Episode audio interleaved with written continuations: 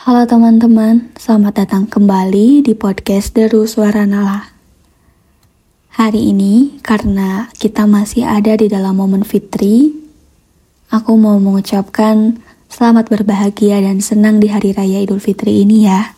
Semoga kita lapang hatinya dan lestari rasanya untuk sama-sama saling memaafkan. Bahagia banyak-banyak ya teman-teman.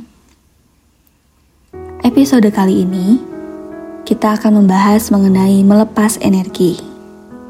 Dalam hidup, kita sering merasa lelah, ingin rasanya menyerah, dan di situasi dan keadaan tertentu, kita sering bertanya, apa yang sebenarnya kita cari dalam hidup ini? Mengapa kegagalan kerap menjadi tolok ukur sejauh mana kemampuan kita? Adakah yang lebih penting dari kendati semua itu? Jawabannya adalah waktu. Waktu yang kita habiskan, energi yang lepas begitu saja untuk memikirkan hal-hal yang telah berlalu, kejadian-kejadian yang tidak berpihak, dan mimpi-mimpi yang harus ditampar di tengah jalan. Biarlah dengan sendirinya berjalan semestinya mengalir dan selapangnya kita.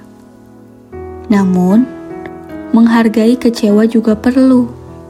Bagaimanapun, kesedihan dan penyesalan adalah bagian dari rasa yang kita punya. Melepas energi secukupnya, sesampainya. Jangan lama-lama ya. Tentukan porsi untuk melepas energi. Energi kebaikan dan energi kecewa karena kegagalan. Kemudian, jangan lupa kembali bangkit dan lepaskan energi positif sebanyak-banyaknya untuk orang-orang yang kita sayang.